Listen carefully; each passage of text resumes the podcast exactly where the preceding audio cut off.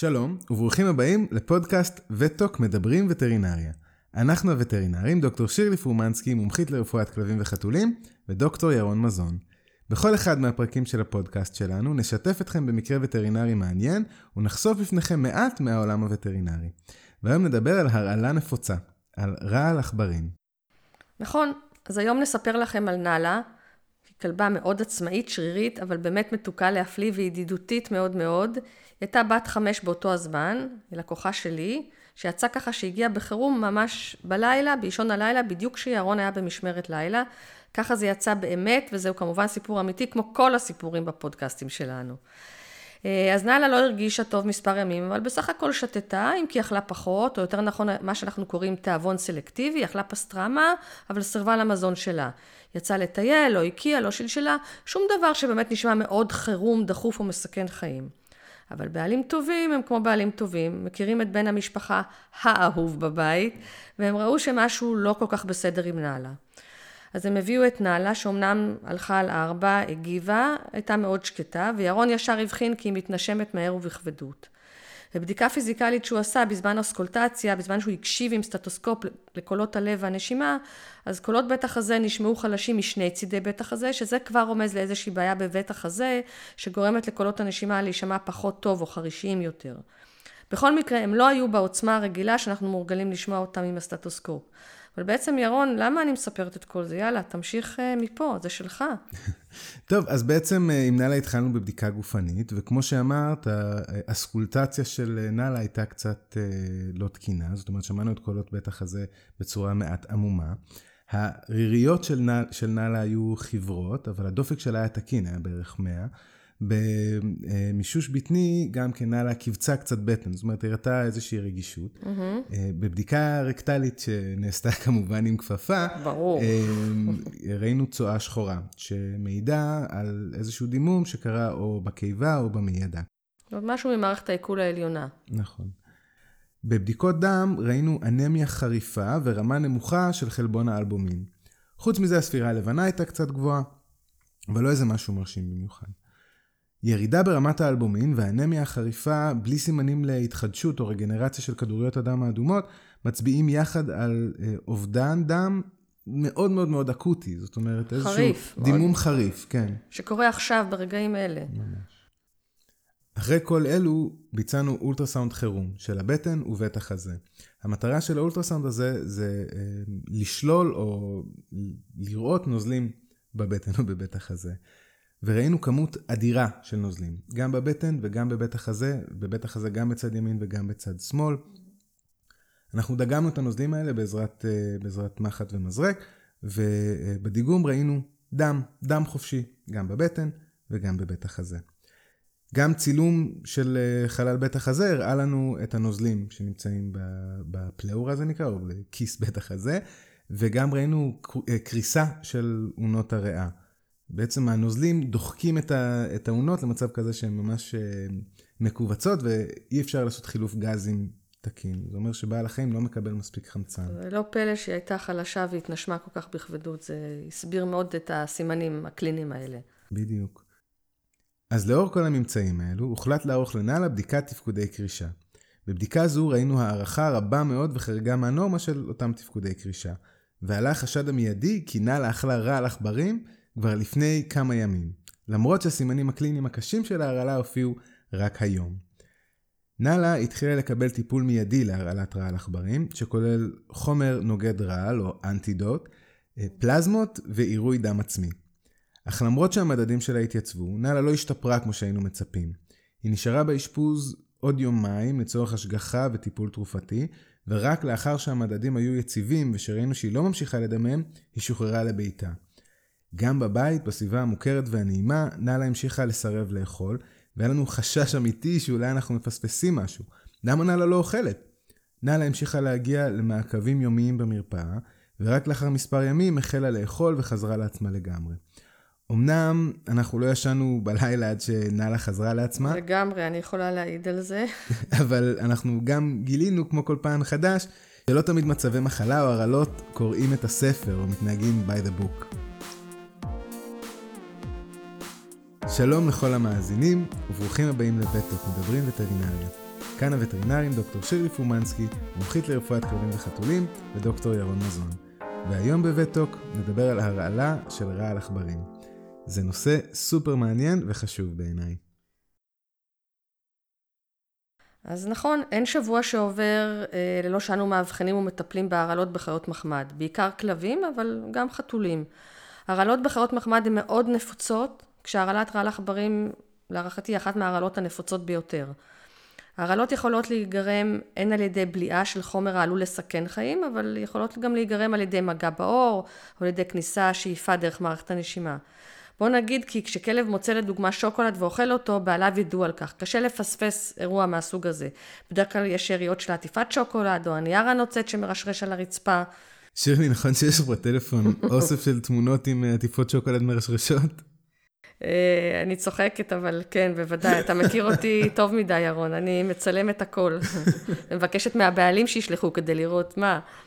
אז אה, אצל נאלה, לא רק שהבעלים שלה לא ידעו בכלל שנאלה כנראה נתנה כמה ביסים טובים בפיתיון של רעל העכברים, אלא שזו מראש הרעלה טריקית, שהסימנים הקליניים שלהם מופיעים רק מספר ימים, אפילו חמישה עד שבעה לאחר אכילת הרעל. וקשה לקשר בין כלב שדחף את הראש שלו בין שיחים לפני כמה ימים, ובין כלב שלא מרגיש טוב כמה ימים אחרי. בשביל זה בדיוק יש אותנו, הווטרינרים. שירלי, בואי נספר קצת, איך מתרחשת הרעלת רעל עכברים? מה זה בעצם רעל עכברים? אז הרעלה של רעל עכברים מתרחשת כאשר בעל חיים נחשף לרעל, מוצא את הרעל המפוזר, לועס, בולע אותו. אנחנו שומעים הרבה פעמים כי יש נטייה להאשים את השכן הרע בהרעלה של כלב שנובח, או בסכסוך של שכנים, רחמנא ליצלן, אבל בינינו, אלה מקרים ממש נדירים, ומרבית ההרעלות מתרחשות באקראי, ולרוב בכלל מדובר בכלב בית בלבד, שלא רואה את השכן שלו בכלל, הוא יוצא עם הבעלים לטיולים יומיים, כשהוא אפילו מושגח ומולח בחגורה, ובעליו של בעל החיים לא יודע בכלל, כי בעל החיים שלו תפס משהו במהלך הטיול.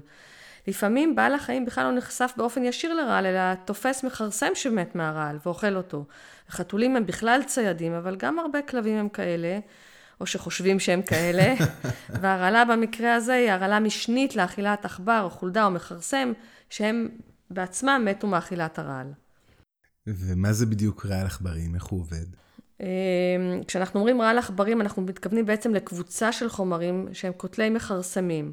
לא רק עכברים, אלא גם חולדות לדוגמה. ובעיקר אנחנו מכוונים למשפחה של רעלנים שפוגעים במנגנון הקרישה של המכרסם, והם מכונים בשם הכללי אנטי-קואגולנטים, כלומר נוגדי קרישה. למעשה, הם נוגד... גורמים לדימום אצל המכרסם, וכך בעצם הם מביאים למותו לקטילתו. יש מספר רב של סוגים של רעל עכברים שמכילים נגזרות שונות של חומרים סינתטיים או חצי סינתטיים של הרעלן דיקומרול. קיימים דורות ראשונים של רעל עכברים שהם פחות פוטנטיים לעומת הדורות השניים, ויש מכרסמים שפיתחו אפילו עמידות להרעלה של הדורות הראשונים, שזה נתון די מדהים. דוגמה ידועה לרעל עכברים מדור הראשון היא הווארפרין, ונגלה לכם ששמו המסחרי הוא קומדין. וזה נכון שהוורפרין או הקומדין, למרות היותו רעל עכברים, הוא למעשה התרופה הראשונה בהיסטוריה האנושית שנעשה בה שימוש לצורך עיכוב קרישת דם, והיא משמשת לדילול דם במצבי מחלה של סכנה מקרישתיות יתר, של תסריפים, של יתר לחץ דם, בעיות לב, שבץ וכולי. שירין, אני חייב לעצור אותך לפני שאת ממשיכה. קצת גאוות יחידה. כדאי לספר למאזינים כי גילוי הוואפרין או הקומדין קשור בכלל לרפואה הווטרינרית במקור ולא לרפואה ההומנית. נכון מאוד, בהחלט גאוות יחידה. דרך אגב, כמו עוד הרבה גילויים אה, שהגיעו מהרפואה הווטרינרית לרפואה ההומנית. אז נפתח רגע סוגריים, אני טובה בזה, ונדבר על הגילוי המקרי והמופלא של הקומדין שקשור בכלל לתחלואה, או יותר נכון לתמותה גבוהה בפרות בתחילת המאה ה-20 בארצות הברית ובקנדה. הפרות האלה דיממו למוות, אבל בעצם הם לא דיממו מאיזה פציעה חריפה, אלא ממש מחתכים קלעים כמו מפציעות שטחיות, שמצופה מהם בסך הכל להחלים בכלל ללא סיבוכים. וטרינר קנדי נמרץ ועקשן בשם פרנק שופילד גילה כי כל אותן הפרות ניזונו מטלטן שהיה נגוע בעובש, ואותו העובש הוא זה שגרם להרעלה הזו, שהיא למעשה הרעלת רעל עכברים, רק אז היא לא כונתה בשם הזה. אז אותו עובש שצמח על הטלטן התגלה כנוגד קרישה חזק מאוד. המרכיב הפעיל של אותו העובש זוהה רק כשני עשורים מאוחר יותר, כנגזרת של קומרין, ונוגד הקרישה הראשון שסונטז לשימוש הומני שווק תחת השם דיקומרול בשנת 1941. הוורפרין פותח רק מאוחר יותר, בשנת 1948, בכלל כרעל נגד מכרסמים מזיקים, העובד במנגנון עיכוב קרישה הגורם לדימומים. ותתפלאו עוד לשמוע כי למרות שכבר נעשה בו שימוש מספר עשורים קודם לכן, מנגנון הפעולה של הוורפרין התגלה בכלל רק בסוף שנות ה-70, איך הוא עובד. שזה בעצם 20 שנה לאחר שהוא כבר אושר כתרופה נוגדת קרישה, שבאותו הזמן הייתה התרופה המועדפת בבני אדם. אז אלה קצת גלגוליו של הוורפרין או הקומדין. כיום הוורפרין פחות בשימוש כתרופה נוגדת קרישה, היות ופותחו דורות חדשים יותר של תרופות מעכבות קרישה או מדללות דם, שהן בטוחות יותר ויש להן סיכונים פחותים יותר מאלה של הוורפרין. ואם כבר מדברים על דורות חדשים, אז בואו נסגור את הסוגריים ונחזור אל הדור השני של נגזרות רעל עכברים, נוגדי קרישה או אנטי קואגולנטים. רוב חומרי ההדברה נגד מכרסמים הקיימים היום בשוק הם מהדור השני. הדור השני, אמרנו שהוא מאוד פוטנטי, זאת אומרת, מספיקה חשיפה חד פעמית של כמות קטנה יחסית, כדי לגרום לכל הסימנים הקליניים האלה של דימומים שעלולים להיות קטלניים כמובן. וגם משך הטיפול בהם משתנה בהתאם לפוטנטיות שלהם ולזמן פעולתם בגוף. אז דוגמאות לאנטיקואגולנטים מהדור השני הם ברודיפקום או דיפנקום, אבל יש באמת המון מוצרים מסחריים אה, אינסופיים כמעט. תגידי, שירלי, יש אפשרות לזהות בין רעל עכברים דור ראשון או דור שני? יש לזה איזושהי חשיבות? אז זו שאלה מצוינת. אם בעבר הלא רחוק, ואני מדברת איתך על 20 שנה, לא תקופת האבן, הייתה אפשרות לזהות את סוג הרעל לפי הצבע, הצורה והגודל של הכופתיות של הפיתיון, הרי שהיום זה כמעט בלתי אפשרי. יש עשרות אם לא מאות של אנטי-קואגולנטים, ולא ניתן לזהות אותם. האם זה חשוב? כן ולא. הטיפול שונה מבחינת משך הזמן בין הדורות השונים, כלומר אם משך הפעולה של וורפרין, שהוא הדור הראשון, הוא שבעה ימים, הרי שמשך הפעולה של ברודיפקום, אחד הרעלנים היותר פוטנטיים של הדור השני, הוא 21 יום. אבל היום מרבית הרעלנים הם כמו שציינו מהדור השני, וכיוון שהדור השני הוא סופר דור, כמו שהוא מכונה, הרי שלא ניקח סיכון, ובכל מקרה נטפל בכל הרעלת רעל עכברים במינון ובפרק הזמן המחמירים יותר של הדור השני. לעיתים ממש רחוקות זה באמת לא המקרה, מגיעים בעלים של הכלב עם הקופסה של החומר נגד רעל עכברים, עם השם המסחרי והמרכיב הפעיל והריכוז שלו, אבל באמת ברוב המכריע של המקרים זה לא קורה. ואנחנו מטפלים לפי הכלל הידוע, אם יש ספק, אז, אז אין ספק. בואו נחזור רגע לנאלה. אמרנו, ועדיין לא הסברנו קודם, כי נאלה כנראה אכלה ובלעה את הפיתיון של רעל העכברים אה, בין חמישה לשבעה ימים לפני שהופיעו הסימנים הקליניים שלה. איך ולמה זה קורה? הרי מרבית ההרעלות הן מיידיות, אומרות סימנים קליניים תוך פרק זמן קצר יחסית, נגיד 12 שעות. בעל החיים אוכל את הרעל, מורעל, מראה סימנים. זה קורה ברוב ההרעלות, הרעלה אה, ברעל נגד חלזונות, זרחנים אורגניים שונים, סטריכנין, הרעלות שוקולד, הרעלת ענבים, הרעלות אנטיפריז, הרעלות מריחואנה ועוד ועוד ועוד. רשימה לא נגמרת. בדיוק. נכון, אז באמת אחד הדברים שמייחדים את ההרעלה הזו, היא שהסימנים הקליניים מושהים מספר ימים לאחר אכילת הפיתיון עם הרעל. לא ניכנס לכל המנגנון בו עובד רעל עכברים, אבל נסביר שרעל עכברים פועל על ידי עיכוב של אנזים שאחראי למחזור של ויטמין K בגוף. זהו, צריך לזכור מה פשוט. זה ויטמין K בגוף, מאוד פשוט. אז יש מספר פקטורי קרישה, או ליתר דיוק ארבעה פקטורים, שלצורך פעולתם זקוקים לויטמין K. הם תלויים בו, בלעדיו הם פשוט לא יכולים להפוך לפעילים ולבצע את הפעולה שהם צריכים לעשות באותה שרשרת קרישה, שכמובן לא נרחיב עליה. ברגע שהם לא במצב פעיל המאפשר להם לבצע את הפעולה שלהם באופן האופטימלי, אז כל מערכת הקרישה יוצאת מאיזון ומתחיל איזשהו דימום בלתי נשלט. אפשר לתאר את המערכת כאחראית לשמירת שיווי משקל בין המרכיבים השונים שלה, כמו הרבה מערכות בגוף. אז מערכת קרישת הדם ביונקים היא דואגת לכך כי מצד אחד הדם לא ייקרא סתם ככה, ודבר שמתרחש בפציעה, שהוא חיובי, ומצד שני שלא יתרחש דימום בלתי נשלט. אז מערכת הקרישה היא מין מערכת מורכבת מאוד וחכמה, וכל יציאה משיווי משקל ואיזון שלה עלול לגרום או לדימום יתר, או בדיוק מהכיוון השני לקרישתיות יתר. ולכן ברגע שבעל חיים נחשף לרעל נגד עכברים ואוכל אותו, הרעלה תתבטא בסופו של דבר בדימומים הבלתי נשלטים האלה. אז אם נחזור רגע לפרות מצפון ארצות הברית, אז כל פציעה קלה הביאה בעצם אל מותן מדימום מתמשך. אבל דימומים מהרעלת, אה, או כתוצאה מהרעלת רעל עכברים, מתרחשים גם ללא פציעה. הרוב המכריע של מקרי ההרעלה בהם אנחנו פוגשים במרפאה הם בעלי חיים שנחשפו לרעל, אכלו אותו, הם מגיעים ממה שאנחנו מכנים דימום ספונטני, שלפעמים אנחנו רואים אותו, ולפעמים כמו במקרה של נאלה, הוא מסתתר בתוך איזה חלל פנימי בגוף. ועכשיו, אחרי שיש לנו הבנה לגבי מנגנון הפעולה שלו, אפשר להסביר למה יש את ההשתהות הזאת, למה קיים פרק זמן ארוך בין החשיפה של הרעל ובין הסימנים הקליניים. אז נספר לכם, כי למרבית הפלא הרעל הזה מתוכנן להיות כזה, זה לא שהוא עובד לאט. מכרסמים דוגמת חולדות ועכברים הם יצורים נבונים היודעים לקשר בין אירוע ותוצאה, וגם בעלי יכולת לתקשורת חברתית להזהיר את חבריהם מסכנות.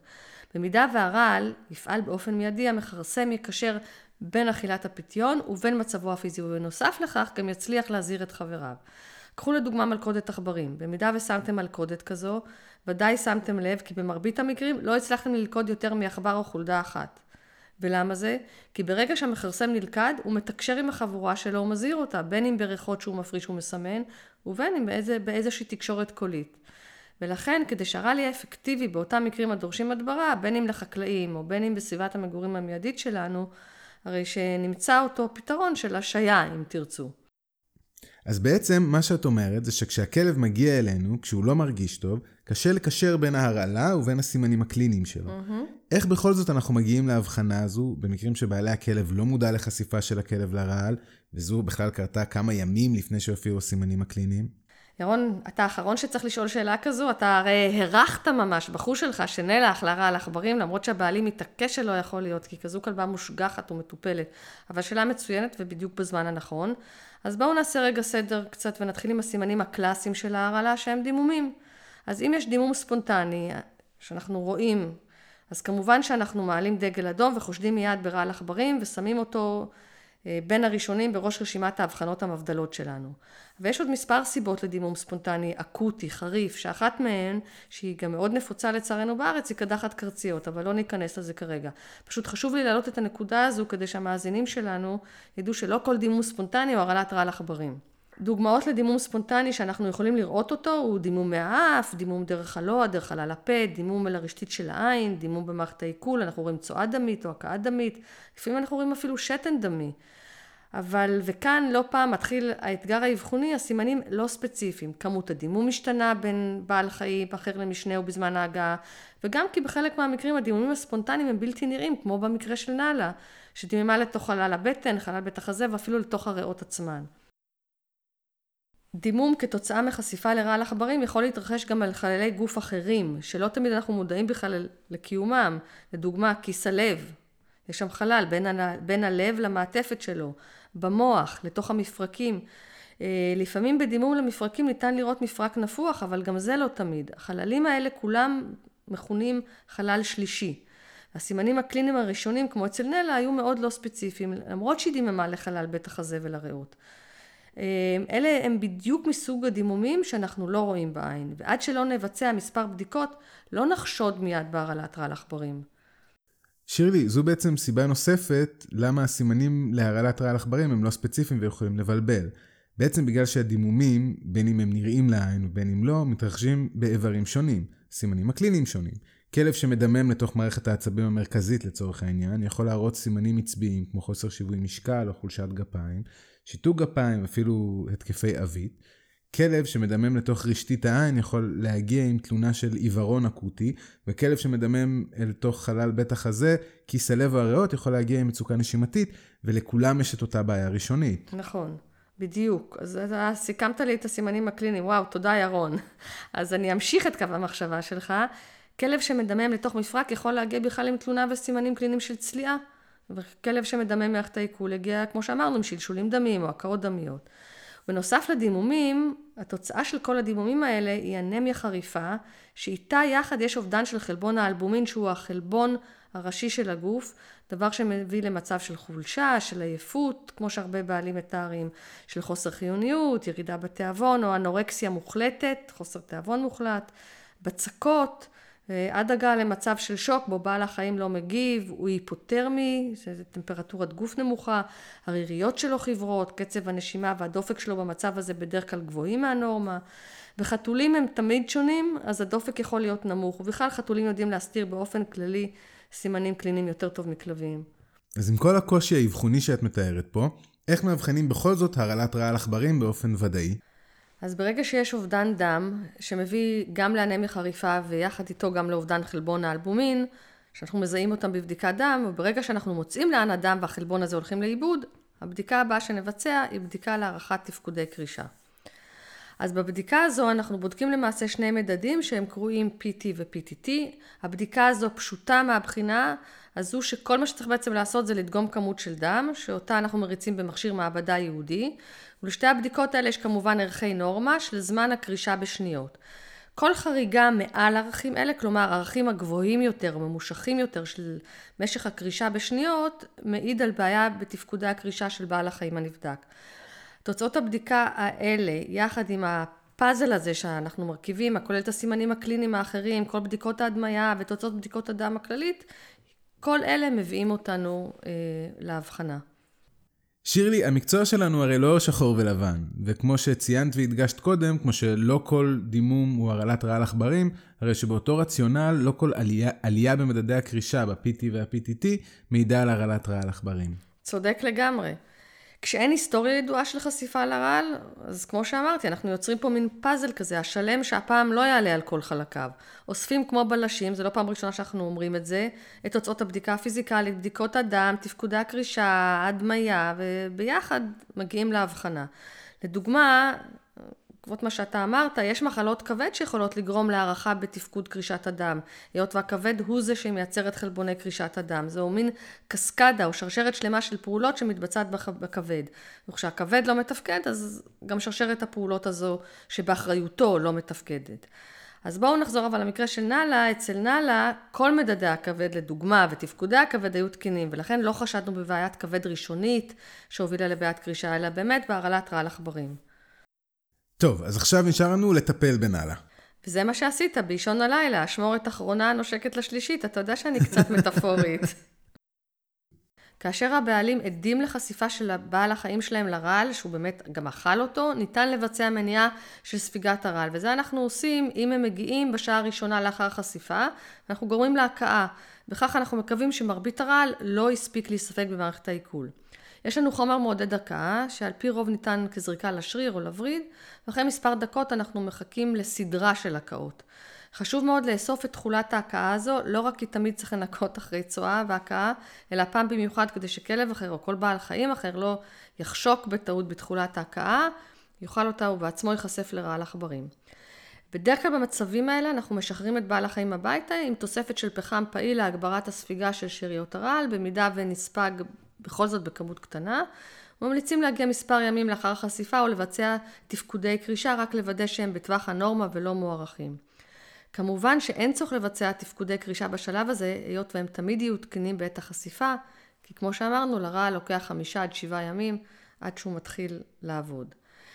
חשוב גם לציין ולחדד באופן כללי לגבי הרעלות, אה, כי כמו שהבנתם זה בדרך כלל לא קורה בהרעלה מהסוג הזה, כי כלב שמגיע במצב של חוסר הכרה או פרכוסים, לא ניתן לעודד הכאה מחשש של אה, אספירציה של תכולת ההכאה לריאות ולגרימת חנק. אבל כמו שציינו, מרבית הכלבים מגיעים מספר ימים לאחר החשיפה, ואז כמובן אין צורך או אין טעם לעודד הכאה, כי הקיבה כבר מזמן התרוקנה לה. וכך היה גם במקרה של נאלה, שהגיעה כבר עם סימנים קליניים, גם אם לא ספציפיים, והיה ברור שמשהו אצלה מאוד מאוד לא בסדר. אבל לא היה טעם לעודד הכאה, היות והיא נחשפה לרעל מספר ימים לפני שהגיעה באמצע הלילה לירון, שאבחן אותה והחל לטפל בה. אז ירון, אולי תספר מה עשית ואני אשתה לי מים בינתיים. אה, היה ברור שנעלה צריכה להתאשפז, המצב שלה, הסימנים הקליניים, הממצאים, בדיקות הדם, כל אלה חייבו אשפוז בהשגחה צמודה. היא חוברה לעירוי נוזלים, ורגע לפני שאני מעבירה לירון את המיקרופון כדי שיספר מה הוא בדיוק עשה, אני חייבת להקדים ולהגיד, כי ירון לא יגיד את זה, שבין היתר, בין יתר הדברים שהוא עשה, הוא ביצע באמת פרוצדורה הרואית ממש, ותחשבו שכל זה באמצע הלילה, והפרוצדורה מצילת החיים הזו קוראים auto-transfusion, הוא עשה לנלה עירוי דם עצמי. אני חוזרת, עירוי דם עצמי. על איך עשה ומה עשה, אני מעבירה לירון עכשיו את המיקרופון. אליך, ירון. יאללה. אז כמו ששירלי אמרה, ההבחנה התבהרה, והיה לנו ברור מה היה הגורם שהביא למצבה של נאלה. ועכשיו, לטפל, ובכל הכוח. אז אחרי שהיה לנו וריד פתוח, נאלה החלה לקבל נוזלים לטיפול תומך, ובמקביל שאבנו לה את הדם שהצטבר בחלל בית החזה. שאבנו יותר מצד שמאל מאשר מצד ימין, בסך הכל שאבנו קרוב ל-300 מיליליטר של דם, שזה המון לכלבה ששוקלת 13 קילו. נאלה איבדה אפילו יותר מ-300 מיליליטר של דם, כי אף פעם לא ניתן לשאוב את כל הדם מבית החזה. וגם אם תזכרו, נאלה גם דיממה לתוך הריאות עצמם, ומשם אי אפשר לשאוב את הדם. סך הכל נפח הדם בכלב מחושב לפי הנוסחה של 90 מיליליטר לקילוגרם. חישוב מהיר של נפח הדם של כלבה ששוקלת 13 קילו מראה כי נפח הדם שלה בקירוב הוא 1,200 מיליליטר. 300 מיליליטר של דם זה רבע מסך כל נפח הדם שלה, וזה המון לאבד רבע מנפח הדם בדימום אקוטי. זה מצב מסכן חיים. הדם שנשאב בצורה סטרילית מבית החזה נאסף ישירות אל תוך שקית עירוי, ואחר כך מועבר חזרה לנאלה במתן ורידי דרך קתטר שהוכנס לה, כמו שכולנו מכירים אה, במתן של עירוי דם. וכמו שאתם מבינים, הדם הזה אינו נקרש בגלל מנגנון ההרעלה שדיברנו עליו. והוא נחשב סטרילי כי הוצאנו אותו בצורה סטרילית ממקום סטרילי. בנוסף, מעבר לכך שבפעולה הזו של אה, מתן עירוי דם עצמי אנחנו מצליחים להחזיר דם יקר לגוף, למקום שבו הוא אמור להיות, מערכת כלי הדם, הרי שמיד אחרי שאיבת הדם החופשי מחלל בית החזה, ניתן היה להבחין כי נאלה נושמת בצורה הרבה יותר יפה. וכי בעצם פעולת השאיבה, הקלנו על הריאות שלה ואפשרנו להם להתרחב ולהכניס יותר חמצן בכל שאיפה. אה, זה באמת אה, פעולה מאוד מתגמלת, זה תמיד נחמד לראות איך אנחנו מסירים, אה, שואבים כמות גדולה של נוזלים מכלל בית חזה והם פתאום מתחילים לנשום. אבל ירון, במקרים שאין דימום לחלל שלישי, בעיקר לחללים גדולים כמו חלל הבטן או חלל בית החזה, במצבים של אנמיה חמורה שממש מסכנת חיים כמו אצל נאלה, האנמיה, לא החלל השלישי, האם היית שוקל לתת עירוי דם מבנק הדם? בוודאי, יש שיקולים לכאן ולכאן. בין אם מתן עירוי דם מבנק הדם של כלבים, או עירוי עצמי במקרים שניתן לשאוב דם חופשי, ובאמת, במקרים של הרעלות רעל עכברים, יש יתרון גדול לשאיבה עצמית, כי בכל זאת זה מקטין מאוד את הסיכוי לתגובה שעלולה להתרחש במתן של מנת דם מכלב תורם אחר. לא ניכנס עכשיו לעניין של אירועי דם, זה נושא רחב ומרתק. כן, בפודקאסט אחר, מבטיחים. בנוסף לעירוי הדם, נאלה קיבלה גם זריקה תת-עורית של ויטמין K1, שהוא האנטידוט, או חומר נוגד להרעלת רעל עכברים. לא בכל הרעלה יש לנו חומר נוגד, אבל לשמחתנו, במקרה של הרעלת רעל עכברים, יש לנו. שירלי הזכירה קודם כי רעל עכברים פועל על ידי עיכוב של אנזים שאחראי למחזור של ויטמין K בגוף, ושיש מספר פקטורי קרישה הזקוקים לפעולתם לויטמין K1. ללא ויטמין K1 הפקטורים האלה פשוט לא יכולים לפעול. אז נאלה קיבלה כמובן זריקה של ויטמין K1, ובהמשך קיבלה אותו במתן דרך הפה למשך 21 יום. להזכירכם, אנחנו לא לוקחים סיכון, ומתייחסים לכל הרעלת רעל עכברים כאל הרעלת דור שני, שמשך הפעולה שלו הוא 21 יום. אנחנו נותנים ויטמין K1 בזריקה כדי לוודא שהיא תיספג בגוף. במיוחד בכלבים כמו נאלה שמגיעים חלשים עם חוסר תיאבון ואפילו יכולים להקיא. צריך רק לזכור כי מתן זריקה יכול לגרום לדימום, ויש לעקוב אחר מקום ההזרקה. אם כיתת האור פחות עשיר בכלי דם יחסית למתן זריקה בשריר. כיוון שוויטמין K1 הוא ויטמין מסיס בשומן, יש להזריק אותו במספר מקומות. וזה נכון בעיקר לכלבים גדולים שזקוקים לכמות גדולה יותר. כשנותנים כהמשך טיפול הביתה ויטמין K1 במתן דרך הפה, יש לתת אותו יחד עם מזון שומני להגברת הספיגה. ככה אנחנו מספקים לגוף ויטמין K ממקור חיצוני כדי לסתור את הרעל, אבל ההתחדשות של פקטורי הקרישה יכולה לקחת גם שעות, ובמידה ואנחנו חוששים להמשך הדימום בפרק הזמן הזה, ובעיקר על רקע אנמיה חריפה וחלבון נמוך שעלול לגרום לבצקות, אנחנו מוסיפים גם פלזמה קפואה וטריה, וכך היה גם במקרה של נאלה. ירון, אני רק רוצה לחדד עבור המאזינים, בנוסף לעירוי הדם העצמי והטיפול עם ויטמין K1, יש מקרים שדורשים גם מתן פלזמה, שהיא בעצם אחד ממוצרי הדם של בנק הדם. פלזמה טריה קפואה או FFP, כמו שאנחנו קוראים לה, היא בעצם מיוצרת מדם מלא, שממנו הוצאו או הופרדו כדוריות הדם האדומות באמצעות סירקוז, מיד לאחר הלקיחה שלו, והנוזל שנשאר אחרי כל הסירקוז הזה הוא הפלזמה שמיד הוקפאה. נכון. נאלה קיבלה גם פלזמה מכמה טעמים. היא איבדה דם באופן מהיר, אובדן מהסוג הזה מוביל בין היתר גם למצב של לחץ דם נמוך ולפגיעה בהסעת הדם עם החמצן לרקמות ולאיברי המטרה. ההחלטה לתת לנעל הפלזמה הייתה גם לצורך העלאת לחץ הדם, אך בעיקר כי פלזמה מספקת פקטורי קרישה. למעשה, מתן פלזמה לבעל חיים עם הרעלת רעל עכברים מאפשרת אספקת פקטורי קרישה ממקור חיצוני עד שהוא יתחיל לייצר אותם שוב בעצמו. ועל ידי כך ניתן לעצור את הדימום. לויטמין K1 לוקח כמה שעות להתחיל לעבוד במרכאות, כי הוא צריך להיספג ולהגיע לכבד שמשתמש בו כדי לייצר מחדש פקטורי קרישה. ובנוסף לכל אלה, נאלה קיבלה טיפול תומך ככל שנדרש. ירון, מדהים. ממש. אז נאלה נשארה יומיים באשפוז, קיבלה את כל הטיפולים המופלאים האלה, כולל את העירוי העצמי והפלזמה. אה, עקבנו אחרי המדדים החיוניים שלה, ראינו שהיא יציבה בבדיקות דם חוזרות, שזה אומר שהיא לא מאבדת דם וחלבון, דבר שיכול להעיד על המשך דימום, ושהיא חוזרת לעצמה ומתחילה לאכול. הכל היה נכון עבור נאלה, למעט העובדה שלא אכלה. אנחנו יודעים שהפרוגנוזה, השרידות, ההחלמה, בדרך כלל טובה בטיפול מתאים. ברור שאם לא מטפלים התמותה היא 100%. דימומים למערכת הנשימה או למערכת העצבים נחשבים לסיכון גבוה יותר, ואנחנו מעט חששנו לגביה, אני זוכרת, אך לא היה צורך להשאירה באשפוז כי הייתה יציבה. המדדים החיוניים שלה היו תקינים, היא נשמה באופן תקין, נתנה שתן בטיול, בדיקות הדם היו תקינות, אבל למרות כל זה הייתה חלשה, ישנה הרבה, וכמובן סירבה לאכול, שזה מדד טוב עבורנו. אז עקבנו יחד עם הבעלים של נעלה אחריה, היא באה לבדיקות יומיות ביומיים לאחר ששוחררה הביתה, וטוב שהם גרים לא רחוק, ובעצם רק אחרי יומיים נוספים היא החלה לחזור לעצמה, היא התחזקה והחלה לאכול. סוף טוב. כן, אנחנו אוהבים סופים טובים, לא? זה הרבה מאוד בזכותך. אז מה המסקנות שלנו? מספר מסקנות. הראשונה, וזה תמיד מפתיע אותי מחדש, לא כל מקרה דומה לאחר, אנחנו אומרים את זה חדשות לבקרים. רפואה זה לא שחור לבן וכל בעל חיים שונה. לנאלה לקח זמן רב יותר להתאושש מהצפוי, למרות שהייתה יציבה. ולמה? ככה. ככה, כי כל אחד שונה. המקצוע שלנו מזכיר לי את זה כל פעם מחדש. אבל אני מבינה למה אתה חותר בשאלה שלך לגבי המסקנות, ובצדק. אנחנו כל הזמן חוזרים ואומרים ללקוחות, אל תשחררו את הכלבים שלכם לבד ללא השגחה. על אחת כמה וכמה, כלבים שיש להם נטייה לאכול שטויות בחוץ, הזבלנים, כמו שאנחנו קוראים להם. הם יאכלו הכל. במידה והבעלים עדים לחשיפה של רעל עכברים, רצוי להביא את הקופסה של הרעל או את הרעל אם נמצא בחוץ, גם לא להשאיר אותו חשוף ולסכן בעלי חיים אחרים. אין לגעת בידיים חשופות, יש להיעזר בשקיות ניילון ובכפפות חד פעמיות. כמובן, יש להגיע הכי מהר למרפאה הווטרינרית כדי לעודד הכאה ולהיפטר בהקדם האפשרי מהרעל לפני ספיגתו במערכת העיכול. וכמובן שבמידה ולבעל החיים יש דימום נראה לעין, יש להגיע, או כל סימן קליני חמור אחר, גם אם הוא לא ספציפי. תודה שירלי, היה מעניין ממש. אנחנו מקווים שנהניתם מהפרק של וטוק מדברים וטרינריה להיום.